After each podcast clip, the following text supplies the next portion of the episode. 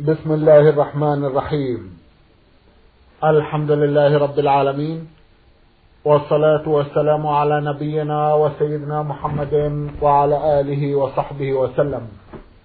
مستمعي الكرام السلام عليكم ورحمة الله وبركاته وأسعد الله أوقاتكم بكل خير. هذه حلقة جديدة مع رسائلكم في برنامج نور على الدرب. رسائلكم في هذه الحلقة نعرضها على سماحة الشيخ عبد العزيز بن عبد الله بن باز المفتي العام للمملكة العربية السعودية ورئيس هيئة كبار العلماء. مع مطلع هذه الحلقة نرحب بسماحة الشيخ. ونشكر له تفضله بإجابة الإخوة المستمعين فأهلا وسهلا بالشيخ عبد العزيز. حياكم الله وبارك فيكم حياكم الله. أولى رسائل هذه الحلقة رسالة وصلت إلى البرنامج من الأخ المستمع مرزوق ابن عتيق الشدادي.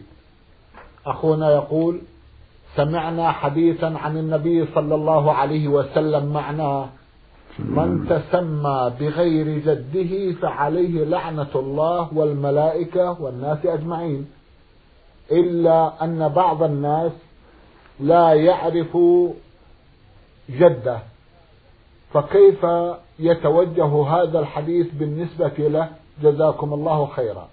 كما أنه سمع أن من الناس من يقول هلك الناس. فمن قال ذلك فهو أهلكهم. فسروا لنا أيضا هذه المعاني. جزاكم الله خيرا. بسم الله الرحمن الرحيم. الحمد لله وصلى الله وسلم على رسول الله وعلى آله وأصحابه ومن اهتدى بهداه. أما بعد فقد جاءت الأحاديث الصحيحة عن رسول الله صلى الله عليه وسلم تدل على تحريم الانتساب إلى غير الأب وأن المؤمن يجب عليه أن ينتسب إلى أبيه ولا يجوز أن ينتسب إلى غير أبيه واللفظ إلى أبيه لا إلى جده. الواجب أن ينتسب إلى أبيه ولا يجوز له ينتسب إلى غير أبيه. قد جاء الوعيد في ذلك عن النبي صلى الله عليه وسلم من طرق كثيرة. فالواجب على المؤمن أن يحذر ذلك وأن لا ينتسب إلا إلى أبيه. هذا هو الواجب على كل مسلم وكل مسلمة. وأما حديث من قال هلك الناس وهلكهم فهو أيضا حديث صحيح. يروى فهو أهلكهم يروى فهو أهلكهم. والمعنى أنه هو الذي أهلكهم لم يهلكوا. وأما رواية فهو أهلكهم يعني فهو أشدهم هلاكا.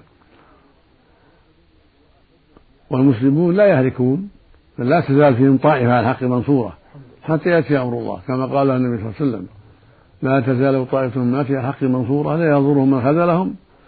حتى يأتي أمر الله. في اللفظ الآخر من خذلهم ولا من خالفهم حتى يأتي أمر الله.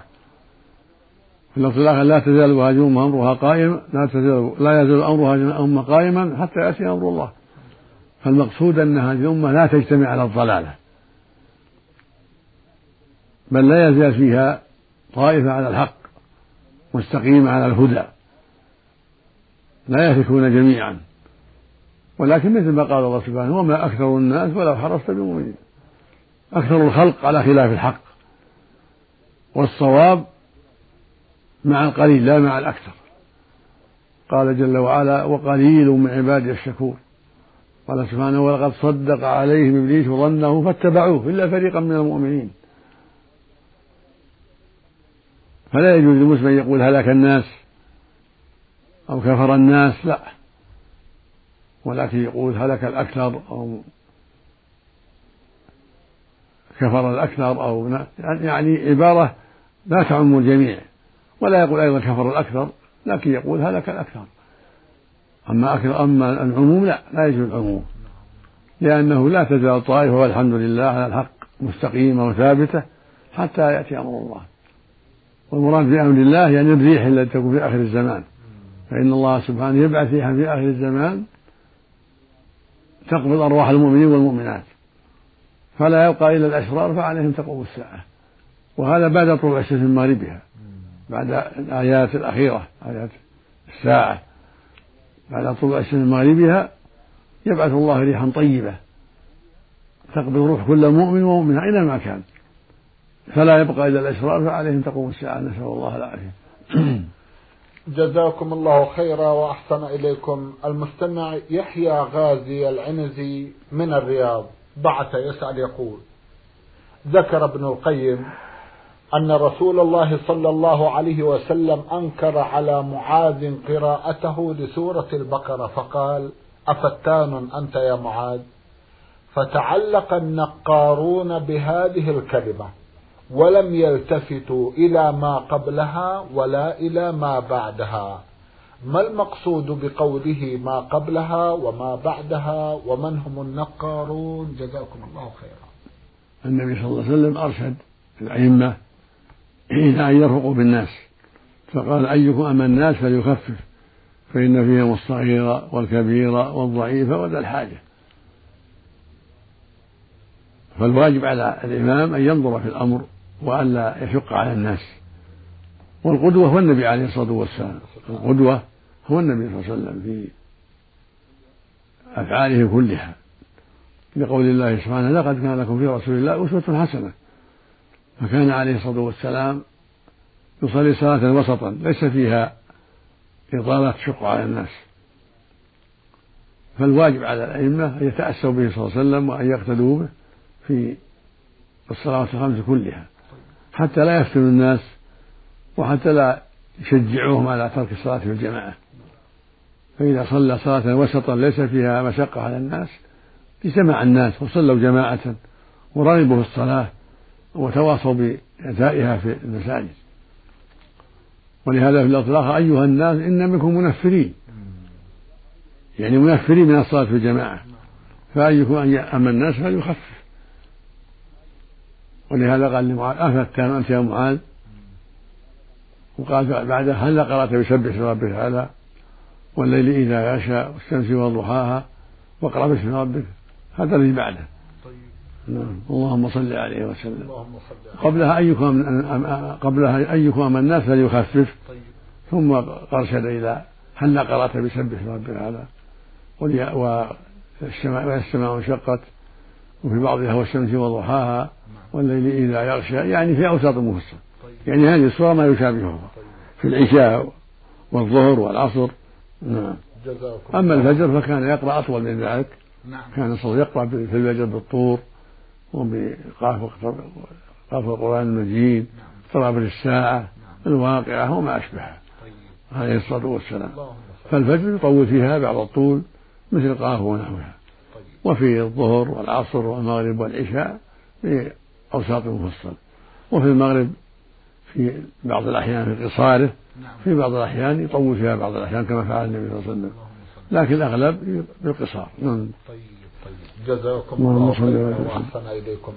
أيضا يسأل عن عبارات لابن القيم عليه رحمة الله فيقول قال ابن القيم التخفيف أمر نسبي يرجع فيه إلى ما فعله النبي صلى الله عليه وسلم لا إلى شهوات المأمومين. ما المقصود بالأمر النسبي وما المقصود بشهوات المأمومين؟ مثل ما تقدم طيب. أنه يتأسى بالنبي صلى الله عليه وسلم في التخفيف. نعم. فيقرأ كما قرأ النبي. ويركع كما ركع ويسجد كما سجد. يعني ويكون متوسطا لا مطيلا ولا ناقرا. طيب. بين النقر وبين الإطالة التي تشق على الناس. هذا هو التأسي بالنبي صلى الله عليه وسلم. ولا يتأسى بالنقارين الذين يسرعون في الصلاة حتى لا يمكن الناس من أداء المشروع ولا يتأسى بالمطولين المنفرين ولكن بين ذلك. والأسوة النبي صلى الله عليه وسلم لأنه قال صلوا كما رأيتم يصلي. وقال وقال الرب جل وعلا قد كان لكم في رسول الله أسوة حسنة. فالتأسي بالنبي هذا هو التوسط اللهم صل على جزاكم الله خيرا وأحسن إليكم. هل ترشدون المستمعين سماحة الشيخ إلى كتب معينة يقرؤون فيها صفة صلاة النبي صلى الله عليه وسلم؟ نعم. في كتاب ابن القيم رحمه الله في صفة الصلاة. نعم. كتاب جيد. وفي صفة الصلاة للإمام أحمد بن حنبل رحمه الله. وفي مثل الترغيب والترهيب ورياض الصالحين نعم. والجواب الكافي أرشد إلى أشياء كثيرة طيب. رحمة الله عليهم. لكن المؤمن يتحرى كتب الحديث. نعم. كتب الحديث مثل رياض الصالحين يعتني ومثل الصحيحين البخاري ومسلم. نعم. مثل السنن الأربع. نعم. لأن هذه تنازل الأحاديث. نعم. ورياض الصالحين نقل منها. وهكذا غير مثل الترغيب والترهيب مثل غيرهم. مثل صلاة الصلاة للشيخ ناصر الدين الألباني. نعم. مثل أشباه الذين اعتنوا بالأحاديث. طيب طيب. نعم. أذكر أن لسماحتكم رسالة في هذا الباب. لنا لنا رسالة في هذا. نعم. رسائل بل رسائل في هذا. الرسائل في هذا في الموضوع الصلاة. نعم نعم. في صفة صلاة النبي صلى الله نعم عليه وسلم. نعم. نعم وهي مطبوعة وتوزع. الحمد لله. مم. منتشرة. من نعم. أرادها يجدها. نعم نعم. بارك الله فيكم وأحسن إليكم. ننتقل بعد هذا إلى رسالة وصلت من جمهورية مصر العربية باعثها المستمع أحمد مين. يسأل جمعا من الأسئلة. في أحدها يقول هل الحج لا يصح إلا بزيارة مسجد الرسول صلى الله عليه وسلم وكذلك السلام عليه؟ الحج مستقل ما له تعلق بالزيارة ولا, ولا يربط بالزيارة الحج إذا أداه المؤمن على ما شرعه الله تم حج ولو ما زار المدينة. أما زيارة المدينة سنة زيارة المسجد النبوي سنة نافلة. من زار فله أجر ومن ترك فلا شيء عليه. لقوله صلى الله عليه وسلم لا تشد الرحال إلا إلى ثلاث مساجد المسجد الحرام ومسجدي هذا ومسجد الأقصى وقال عليه الصلاة والسلام صلاة في مسجدي هذا خير من ألف صلاة فيما سواه إلا المسجد الحرام. وصلاة المسجد الحرام خير من مئة صلاة في مسجد هذا. فدل ذلك على أن زيارة المسجد سنة فيها مضاعفة للصلاة ولكن ليست واجبة. الواجب إتيان المسجد الحرام للحج والعمرة. هذا هو الواجب. مرة في العمر. إذا حج مرة واعتمر مرة سقط عنه زيارة المسجد بعد ذلك. وإذا أتى المسجد الحرام للعمرة والحج ولا مرات كثيرة هذا سنة. تزود من الحج مرات ومن العمرة مرات هذا شيء مطلوب مشروع. وهكذا زيارة المسجد النبوي زيارة للصلاة فيه والقراءة والتعبد مشروعة ولا تكرر. هكذا المسجد الأقصى لكنه دون المسجدين الصلاة فيه بخمسمائة صلاة. مسجد القدس. نعم. كل هذه سنة زيارتها. ولو تكررت كثيرا. لكن الواجب زيارة المسجد الحرام للحج والعمرة فقط. هذا الواجب. مرة في العمر. طيب. حج مرة والعمر مرة. والبقية كلها نافلة. بعد الحج مرة واحدة والعمرة مرة يكون نافلة. وزيارة المسجد النبوي نافلة. وزيارة المسجد الأقصى نافلة. ما في فرض إلا إذا نذر. قال نذر لله إني أصلي المسجد النبوي يكون واجب حتى يؤدي النذر. نعم. أو قال نذر لله أن يصلي في المسجد الأقصى يكون واجب. أو نذر لا يصلي في المسجد الحرام يكون واجب. بالنذر. طيب. يقول النبي صلى الله عليه وسلم من نذر أن يطيع الله فليطيعه. ولا شك أن الصلاة في المسجد النبوي طاعة وفي المسجد الأقصى طاعة. فلا بأس أن يؤدي ولو.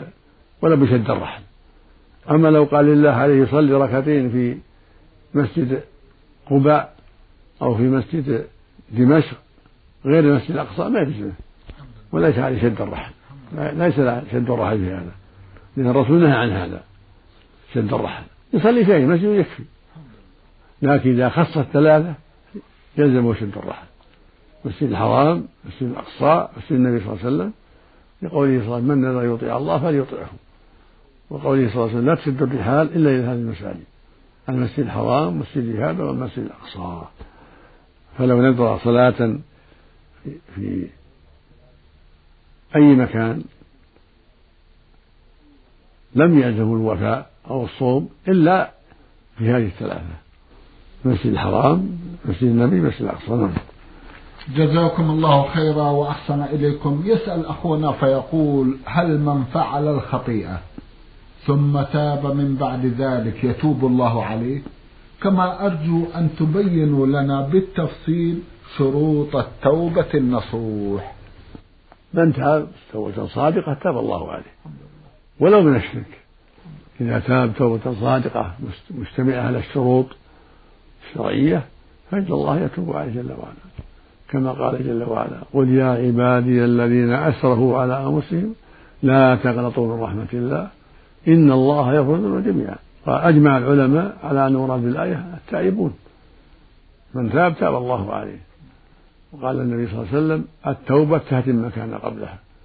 وقال عليه الصلاة والسلام التوبة تجب ما كان قبلها. وقال عليه الصلاة والسلام التائب من الذنب كمن لا ذنب له. وقال جل وعلا وتوبوا إلى الله جميعا أيها المؤمنون لعلكم تفلحون. بين سبحانه أن التائب مفلح. وشروطها ثلاثة. شروط التوبة ثلاثة. الشرط الأول الندم على الماضي. كل يحزن يندم على ما مضى منه. من المعصية. الشرط الثاني إقلاعه منها وتركه لها خوفا من الله وتعظيما لله. الشرط الثالث العزم الصادق ألا يعود فيها. فأما يقول ندمت ويفعلها ما في تائب. لا بد من الندم على الماضي والترك لها. كل يقلع منها ويتركها. كان زنا ترك الزنا. كان سرقة تركها. كان عقوق ترك العقوق. كان قطيعة رحم ترك قطيعة الرحم. كان المعاملة ربوية ترك المعاملة الربوية وهكذا. والثالث أن يعزم عزما صادقا ألا يعود إلى المعصية هذه. الشروط ثلاث لا بد منها. إذا تمت وتوافرت صحت التوبة. ومحى الله عنه الذنب. إلا إذا كان الذنب يتعلق بالمخلوقين ظلم أحد فلا بد من شرط الرابع أن يتحللهم أو يعطيهم حقوقهم. إذا كان مثلا سرق الإنسان المال ما تتم توبته حتى يرد المال على صاحبه أو يتحلل منه أو ضربه أو قطع يده أو ما أشبه ذلك لا بد من تحلله أو يعطيه القصاص يقتص منه نعم. جزاكم الله خيرا وأحسن إليكم يسأل سماحتكم فيقول ما هي الكتب المفيدة والتي تعين على ترسيخ العقيدة الإسلامية الصحيحة في نفوس الناس. أعظمها وأنفعها وأصدقها كتاب الله فيه الهدى والنور. فأنا أنصح كل مسلم وكل مسلمة أن يعتني بالقرآن وأن يكثر من يكثر من تلاوته فإنه هو الدواء الناجع لجميع الذنوب وجميع ما يخالف الشرع. لأن الله سبحانه يقول إن هذا القرآن يهدي للتي هي أقوم. قل هو للذين آمنوا هدى وشفاء. وهذا كتاب أنزلناه مبارك فاتبعوه واتقوا لعلكم ترحمون. ويقول سبحانه ونزلنا على الكتاب تبيانا لكل شيء وهدى ورحمة وبشرى المسلمين. فالوصية العناية بالقرآن تلاوة وتدبرا وتعقلا وعملا. هذا هو العلاج هذا هو الدواء النافع. ثم كتب الحديث الصحيح. مراجعة الأحاديث الصحيحة حتى يستفيد منها مثل صحيح البخاري صحيح مسلم سنن أبي داود الترمذي النسائي ابن ماجه رياض الصالحين الترغيب والترهيب. يسمع الأحاديث يستفيد يعالج أمراض قلبه بما يسمع من أقوال النبي عليه الصلاة والسلام مع القرآن الكريم. ثم حضور المواعظ. والمحاضرات المفيدة من العلماء المعروفين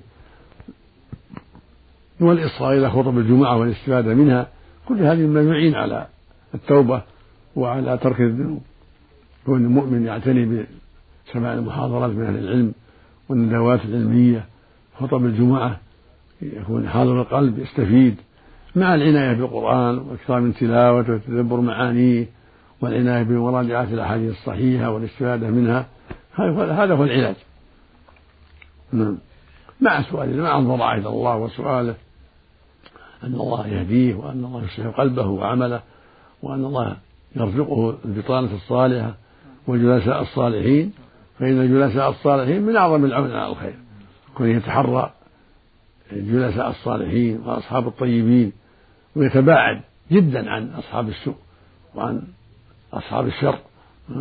نعم. جزاكم الله خيرا وأحسن إليكم. بعد هذا ننتقل إلى رسالة وصلت إلى البرنامج من اليمن صنعاء وباعثها المستمع صادق نعمان. يسأل ويقول إذا سجدت أيهما أضع أولا الكفين أم الركبتين؟ الأفضل الركبتان تضع الركبتين نعم. ثم اليدين ثم الجبهة والأنف. هذا هو السنة. تبدأ بالركبتين لأن الرسول صلى الله عليه وسلم نهى عن البروك بروك البعير. البعير يبدأ بيديه أنت تبدأ بركبتيك لأنها في رجليك وفي الحديث الآخر كان النبي صلى الله عليه وسلم سجد وضع ركبتيه قبل يديه وهو حديث حسن. لا بأس به. يتفق مع حديث البروك. فالمقصود أن السنة والمشروع البداءة بالرجلين بالركبتين ثم يديك ثم جبهتك وأنفك. وعند الرفع ترفع رأسك ثم يديك ثم ركبتيك جزاكم الله خيرا وأحسن هذا هو الأصح. نعم, نعم. حدثونا عن نكاح الشغار بالتفصيل. فهناك كثير من الأقرباء والأصدقاء كل منهم متزوج أخت الآخر والعكس بالعكس. الشغار هو الذي يكون بالشرط. زوجني وزوجك هذا الشغار نعم. كأنه قال ما ترفع رجل أختي حتى أرفع رجل أختك أو بنتك لا بد من التراضي من دون مشارطة. يخطبها وترضى ويخطب الآخر ويرضى من دون شرط. أما إذا قال زوجني وزوجك. ما زوج حتى تزوجني هذا هو الشغار ما يجوز. النكاح باطل. لا يجوز. أما إذا خطب منه وهذا خطب من دون مشارطة فلا بأس. زوج أخته وزوج أخته بنته بنته عمته عمه لا بأس. لكن من دون مشارطة. أما أن يقول لابد زوجي وزوجي ما زوجي ما زوجي. هذا يقال نكاح الشغار والرسول نهى عنها عليه الصلاة والسلام. نعم. جزاكم الله خيرا وأحسن إليكم. من الرياض المستمع أحمد عبد الله سليمان بعث يسأل ويقول ارتكبت معصية. وبعدها نذرت نذر وبعدها نذرت نذر نذرا وهو صيام شهر إذا كررتها مرة أخرى. وحيث أنني فعلت هذه المعصية مرة أخرى. هل يلزمني الوفاء بهذا النذر أم يعتبر من الأيمان وأكفر كفارة يمين؟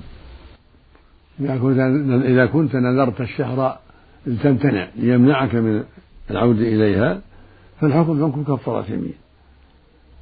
عليك كفارة يمين ويكفي إطعام عشرة مساكين أو كسوتهم. إذا كان المقصود من النذر الامتناع من العودة إليها. نذرت هذا النذر رجاء يمنعك الله به منها. هذا حكمه حكم اليمين. عليه كفارة اليمين. نعم.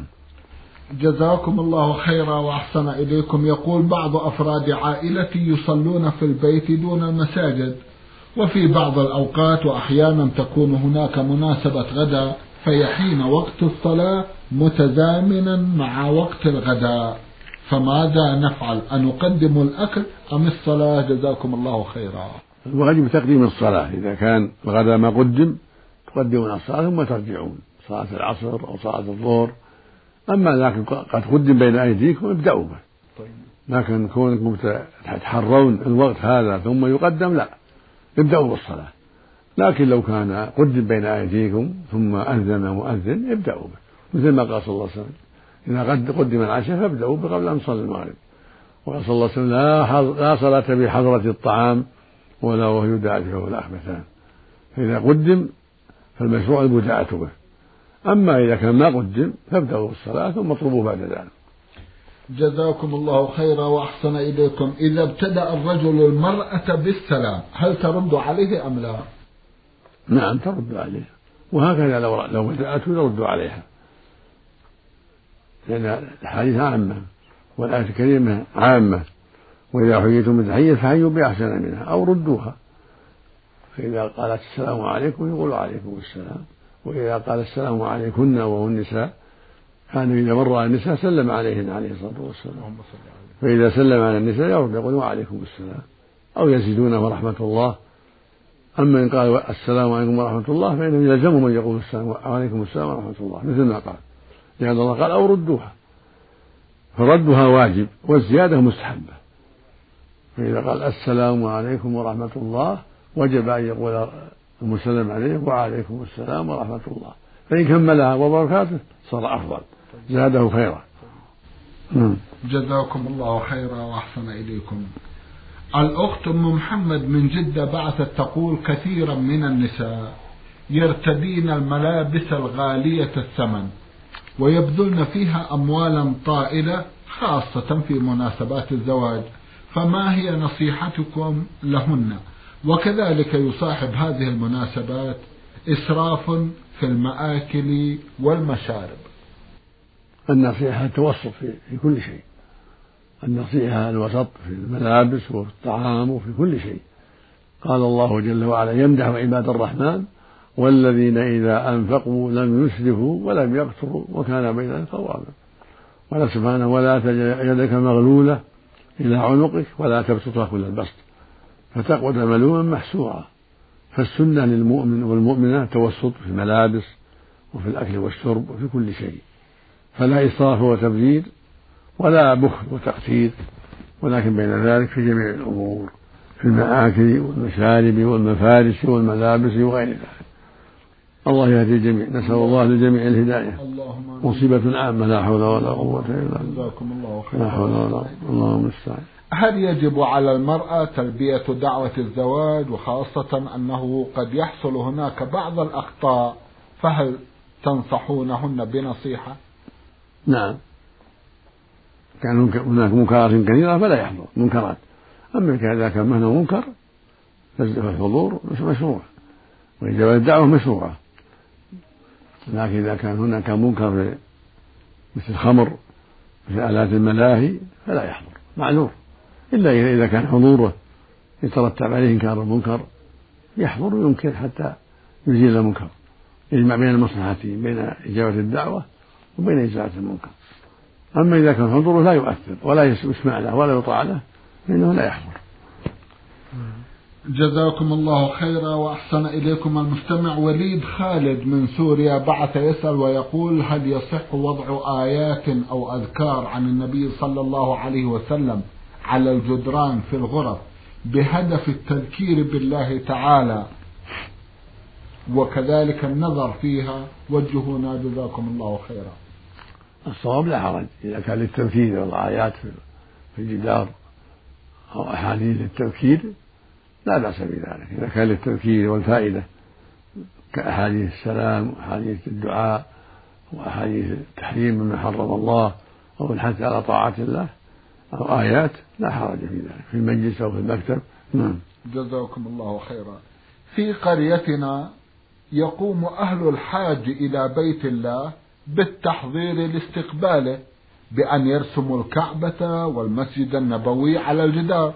ويكتبوا عبارات الترحيب كما يلونون الحجارة باللون الأبيض.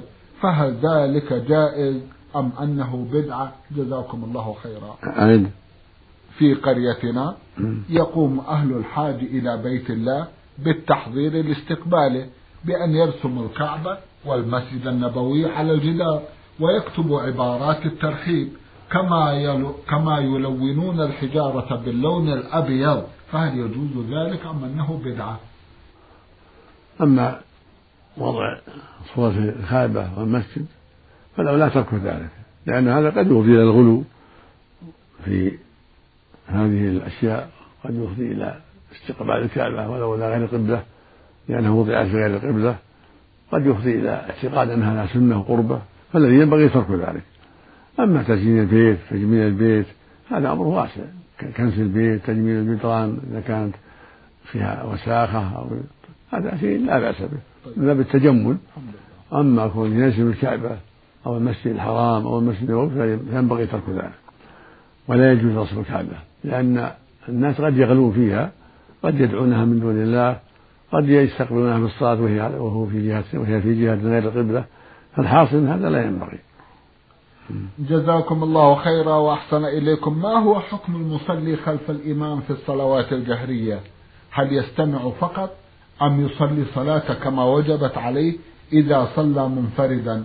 إذ أنني أسمع بعض المصلين يعيدون الفاتحة بعد الإمام بسرعة حيث لا يتدبرون معناها. أعد يسأل عن قراءة الفاتحة بالنسبة للمأموم خلف الإمام في الصلاة الجهرية. المسألة فيها خلاف بين العلماء والصواب أنه يقرأ في الجهرية والسرية جميعا. إن سكت إمامه قرأ في السكوت وإن لم يسكت إمامه قرأها ثم أنصت. لقول النبي صلى الله عليه وسلم لا صلاة لمن لم يقرأ بفاتحة الكتاب.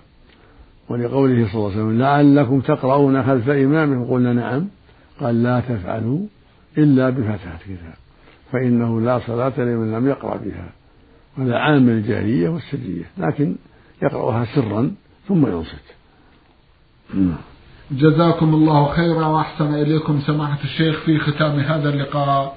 أتوجه لكم بالشكر الجزيل بعد شكر الله سبحانه وتعالى. على تفضلكم بإجابة الإخوة المستمعين وآمل أن يتجدد اللقاء وأنتم على خير. نسأل الله ذلك مستمعي الكرام كان لقاؤنا في هذه الحلقة مع سماحة الشيخ عبد العزيز ابن عبد الله بن باز المفتي العام للمملكة العربية السعودية ورئيس هيئة كبار العلماء. شكرا لسماحة الشيخ. وأنتم يا مستمعي الكرام شكرا لحسن متابعتكم. ونحن نرحب برسائلكم على عنوان البرنامج.